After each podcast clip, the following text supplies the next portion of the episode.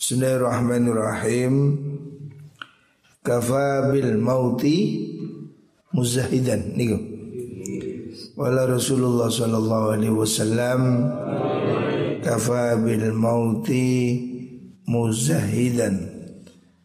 Kafa nyukupi bil mauti kelawan kematian. Abane muzahidan perkara kang akan suhud neriman fit dunya ing dalam dunya wa muraghiban lan demenaken fil akhirati ing dalam akhirat. Cukuplah kematian itu sebagai sesuatu yang membuat orang neriman di dunia ya.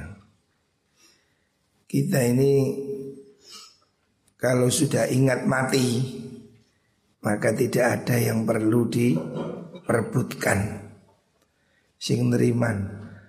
Toh kalau sudah mati tidak ada yang dibawa pulang, nggak ada yang dibawa ke mana, nggak ada yang dibawa mati. Untuk apa kita ribut soal dunia? Orang ini kan menggunakan kemewahan selama dia hidup. Kalau mati selesai semuanya. Maka nasihat kematian itu penting. Hari ini kita setiap hari, hampir setiap hari di Facebook, di WA selalu mendapat kabar ada orang meninggal. Sedih kiai-kiai meninggal ya. Banyak sekali kasus orang meninggal Nah ini cukup untuk membuat kita menjadi prihatin ya.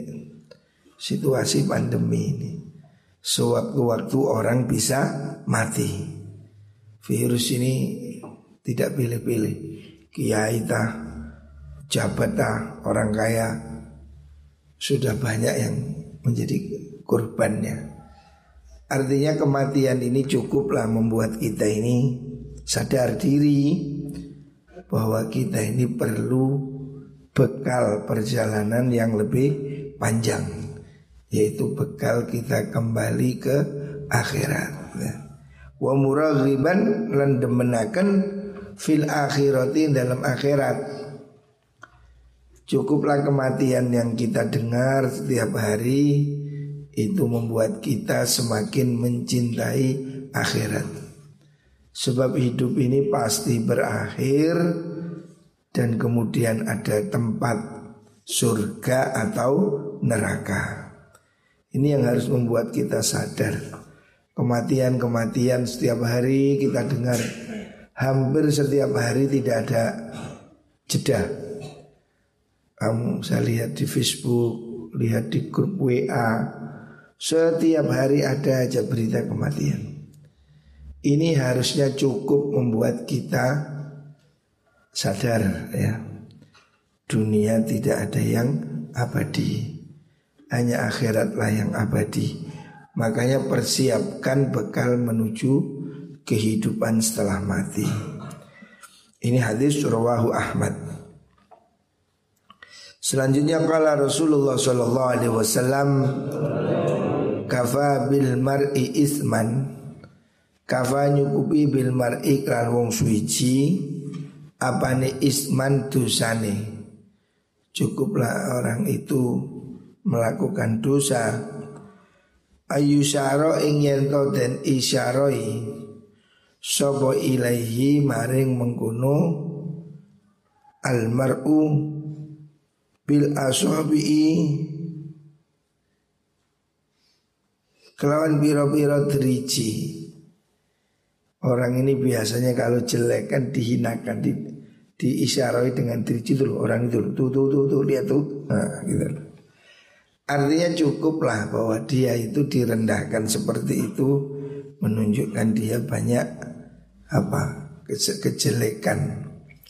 Ingkana lamun ono sapa wong iku khairan bagus Faya mongko isyara iku muzillatun kang mlesetaken. Ilaman angin wong rahimah kang melasi hu ing man sapa Allahu Gusti Allah.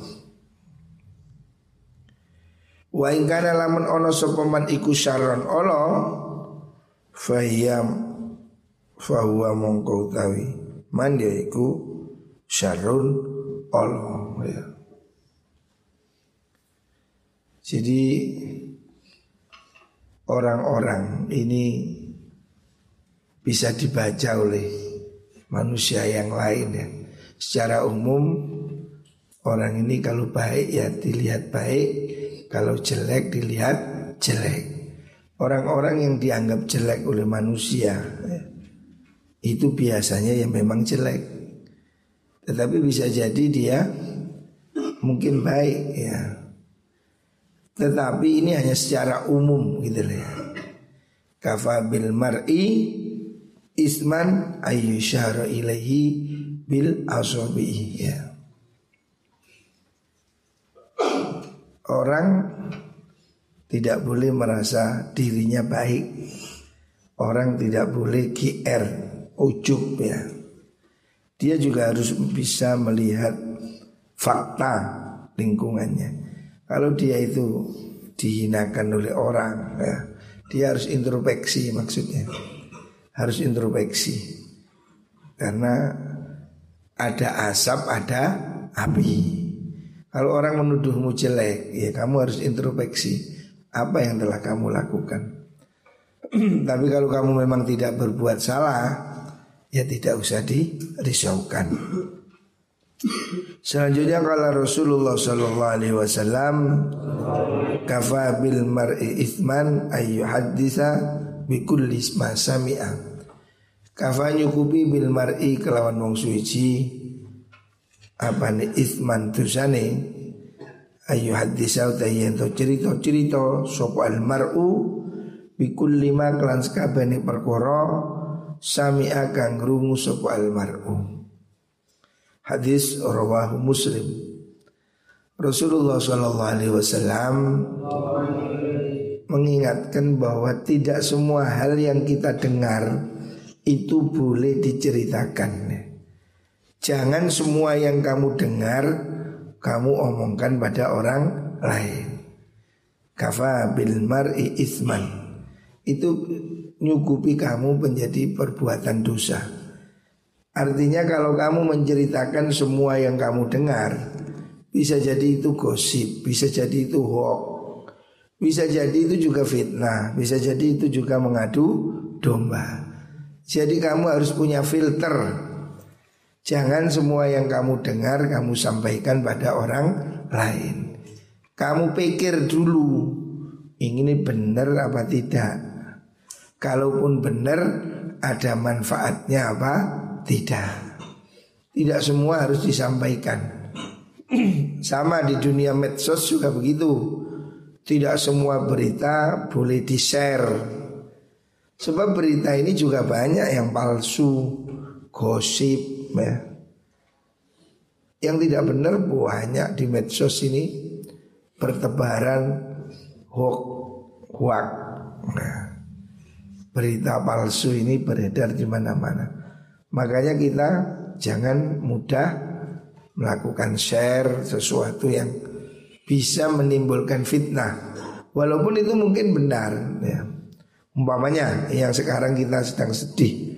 Satu pondok ada kasus Apa itu Diduga Infeksi covid Itu kan tidak sepantasnya kita Sebarkan Sebab bisa membuat orang takut mondok Akhirnya pondok yang benar Pondok yang bersih Ditakuti ya dikira sama.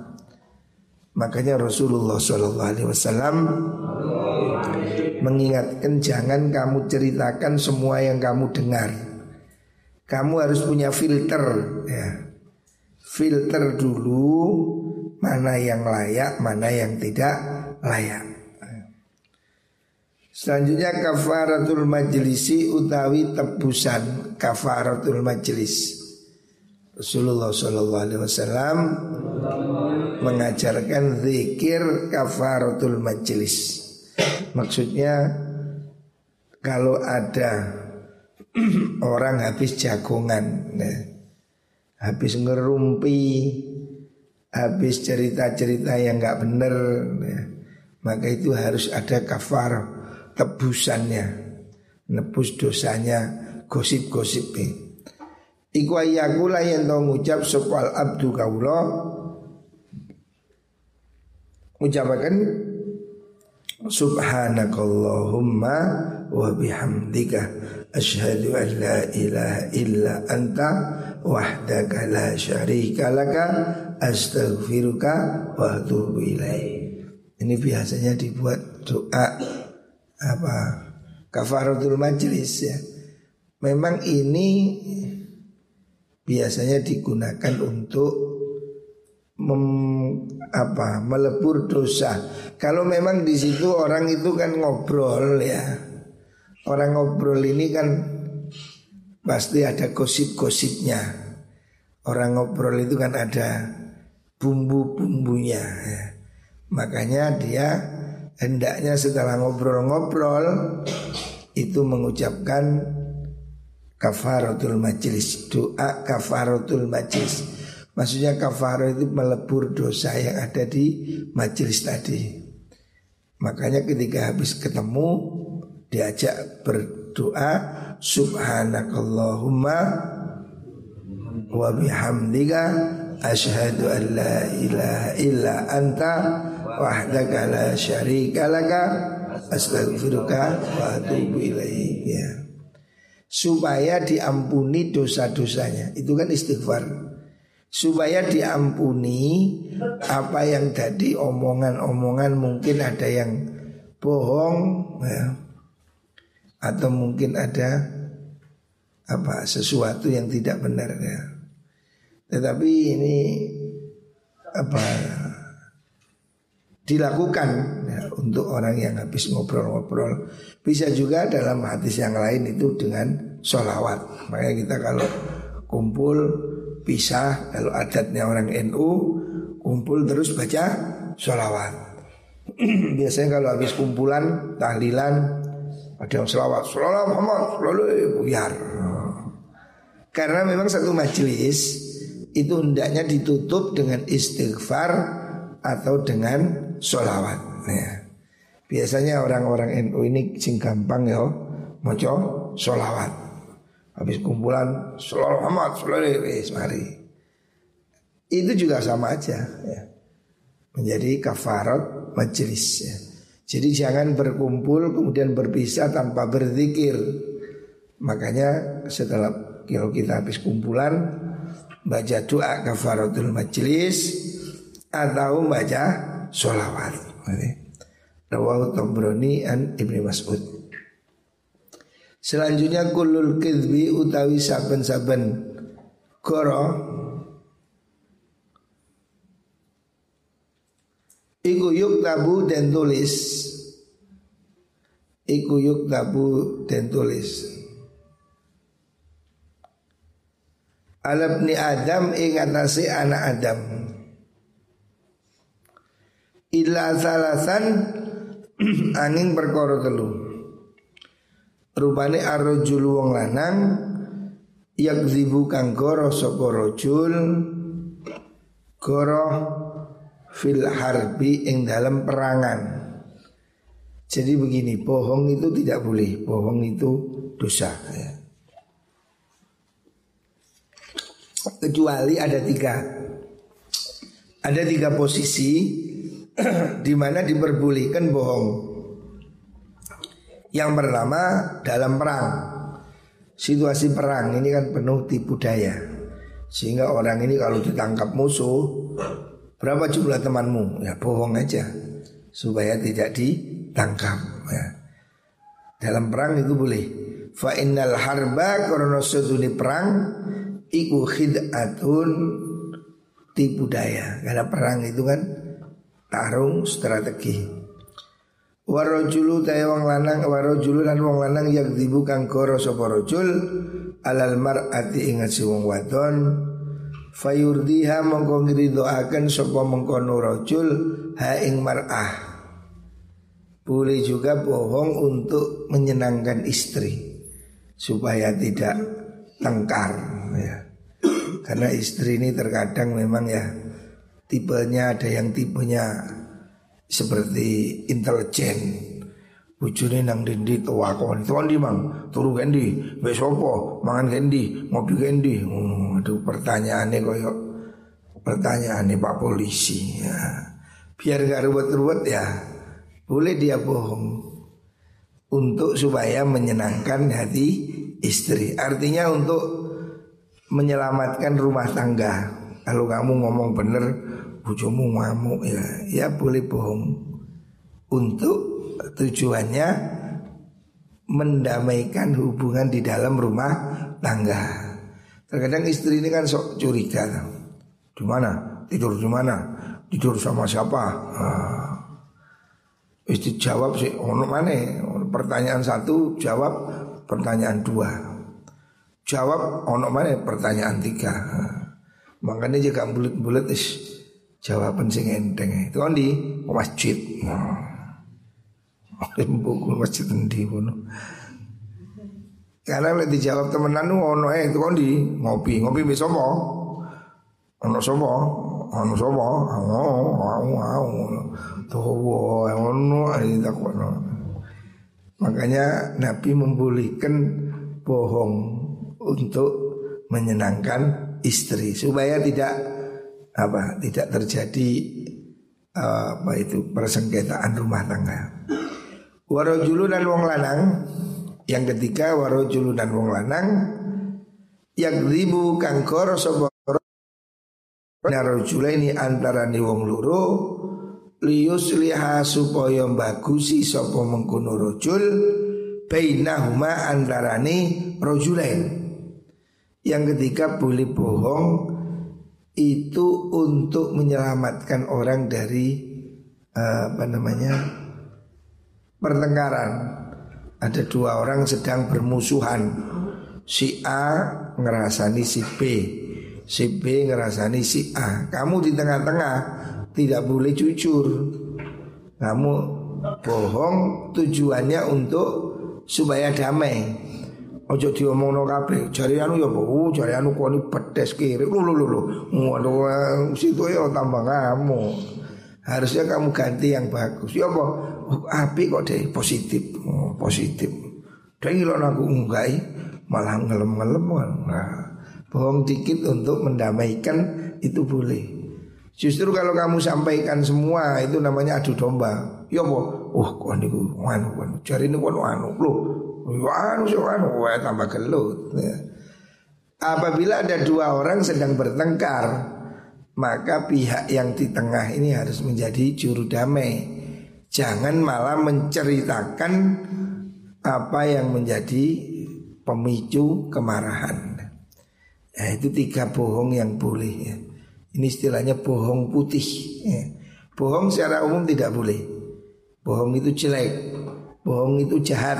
Nah, kamu kalau bohong kamu menjadi jahat. Nah, jangan bohong kecuali tiga hal ini. Bohong dalam perang, nah itu karena memang taktik untuk mengelabui musuh. Bohong untuk mendamaikan rumah tangga. Bohong untuk mendamaikan orang yang sedang bertengkar. Nah itu namanya bohong putih. Ya, boleh tapi kalau bohong yang lain tidak boleh. Bohong soal uang Bohong soal tidak boleh itu dosa. Rawahul Ibnu Sini Selanjutnya Rasulullah Shallallahu Alaihi Wasallam bersabda kullu binain utawi saben-saben bangunan. Iku wabalun dadi belai ala sahibi ing atase wong kang duweni bina bangunan-bangunan yang mewah bangunan-bangunan yang berlebihan itu akan dipertanyakan oleh Allah akan menjadi belai maksudnya akan menjadi ujian bagi dia karena akan menjadi pertanyaan ya. bangunan orang kan ada yang bangun berlebihan 100 miliar 200 miliar ya Bangunan-bangunan seperti itu akan menjadi pertanyaan Gusti Allah kelak di akhirat. Yaumal kiamat in dalam dino kiamat illa masjidan angin masjid kecuali bangun masjid. Jadi kalau bangunan masjid itu tidak ada hisapnya, tidak ada pertanggungannya karena bangunan masjid itu bangunan untuk ibadah. Justru malah bagus karena siapa orang bangun masjid ya Mambana lillahi masjidan Fit dunya yuridu bihi wajah Allah ya. Siapalah orang membangun bangunan yang ikhlas Masjid untuk Allah ah, Banallahu qasran fil jannah min lu'lu'ah Akan dibangunkan rumah di surga dari mutiara ya. Orang bangun masjid pahalanya besar. Membana masjidan banallahu lahu baitan fil jannah. Siapa orang ikut bangun masjid, maka dia akan dibangunkan rumah di surga. Makanya hari ini saya sedang bangun masjid. Sing nyumbang yo monggo, sing gak nyumbang yo yembuh. ya alhamdulillah ada satu dua yang nyumbang ya. Saya tidak minta le ono yo alhamdulillah. Ka ono yo alhamdulillah. Mek masya Allah kok medit sampean hari ini kita sedang bangun masjid dua lantai. Kita ini masih ingin mengembangkan pesantren ini supaya ya tambah luas. Karena ini dulu pesantren ini dulu saya ini belinya ini dulu itu nyicil pondok ini dulu itu tanah kaplingan ya. Jadi kita belinya itu sedikit-sedikit. Ini dulu berapa kapling? Ini lima kapling. Ini kan kaflingan. Makanya sana-sana rumah. Ini pondok ini dulu tanah di kafling. Yang kita beli lima kapling, beli lagi dua kapling, beli lagi dua kapling, beli lagi satu kapling, beli lagi satu kapling. Jadi ini dulu nyicil, nyicil sampai jadi alhamdulillah seperti ini. Jadi memang ini perumahan, makanya ya itu situ kan kampung ya. Lah saya kepingin pondok ini ya tambah luas, ke sana sudah nggak bisa. Kita sedang kembangkan di belakang itu, di belakang rumah saya itu. Ya saya kepingin nambah tanah lagi di situ supaya pondoknya tambah luas. Kepinginnya pondoknya ini saya pindah ke timur. Kayak gini orang bengi ngeluyur Kayak kono tak kayak gerbang. Kayak bisa metu tak gembok Ismari Pondok ini memang ya Bergaul dengan masyarakat. Makanya saya ini ya harus hati-hati. Kamu malam hari jangan ramai Jangan teriak-teriak. Karena kan posisi pondok ini berdempetan dengan kampung. Nah, saya kepingin geser pondok ini ke belakang sana. Nah di belakang sana sepi. Nah, tapi kan saya harus beli tanah lagi. Ya nyicil kan didik, nyelengi. Tapi saya alhamdulillah merasa sampai saat ini ya banyak kemudahan ya. Allah memberi kemudahan. Ya contohnya bangun masjid itu. Ya alhamdulillah kate jaluk-jaluk, kate proposal, kate apa? surat edaran ya. Allah memberi ada aja. Lalu saya gitu es katentek. Tapi saya yakin mulai entek teko mana. Gusti Allah Maha Kaya. Ada aja. Kita ini jangan pernah kecil hati kalau kita berjuang untuk Allah. Pasti Allah menolong kita. Intan surkumullah yang surkum. Kalau kamu menolong agama Allah, Allah pasti nolong kamu. Saya tidak pernah merasa kecil hati. Pengalaman sekian tahun mengelola pesantren ini. Alhamdulillah setiap tahun kita bangun. Ya Allah memberi rezeki. Dan saya tidak pernah narik wali murid. Saya tidak pernah apa minta sumbangan. Ya is yang nyumbang nyumbango Gak nyumbang yuk sakarmu nah. Tapi nyatanya Allah memberi dengan caranya Gusti Allah. Ya. Makanya kita itu minta selalu pada Allah Allah lah yang maha memberi Kamu jangan pernah kecil hati Kalau kamu berjuang ya. Allah tidak mungkin membiarkan kamu sendiri.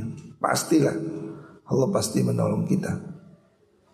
Saya ini sudah mengalami sulitnya, susahnya, tapi semuanya Allah berikan kemudahan. Dan Allah sudah menjanjikan itu. Walladzina jahadu fina lanahdiyannahum subulana. Orang-orang yang berjuang Allah tunjukkan jalannya. Tidak ada yang repot ya. Jangan pernah takut semua yang ada ini kehendaknya Gusti Allah. Ya muka-muka semua diberi kelancaran oleh Allah. Rezekinya dimudahkan oleh Allah. Tapi Allah pasti memang memberi. Dulu ayah saya Dawi saya begitu. Kalau kamu bayar tunai Tidak mungkin Gusti Allah bayar kredit katanya. Kalau kamu bayar tunai Allah pasti bayar tunai. Kalau kamu melakukan sesuatu Allah pasti membalas. Dulu waktu saya beli tanah untuk asrama putri itu Azubaidah itu Saya tidak punya uang. Saya jual rumah, saya jual tanah, saya jual mobil. Tapi saya merasa yakin karena ayah saya dulu bilang begitu. Lek menungso iki bayar kontan. Masuk Gusti Allah katanya bayar kreditan ya. Ada tidak mungkin lah Allah ngeridit itu tidak mungkin. Allah maha kaya. Saya alhamdulillah jual rumah waktu itu saya jual rumah, saya jual tanah, saya jual mobil. Nyalanya saya tidak tambah miskin. Saya beli mobil baru lagi. Saya beli lagi Allah memberi rezeki yang jauh lebih besar ya. Jangan pernah takut pada janji-janji Allah itu pasti benar. Ya. Siapa menolong agama Allah pasti ditolong oleh Gusti Allah. Muka-muka kabeh ditulungi Gusti Allah.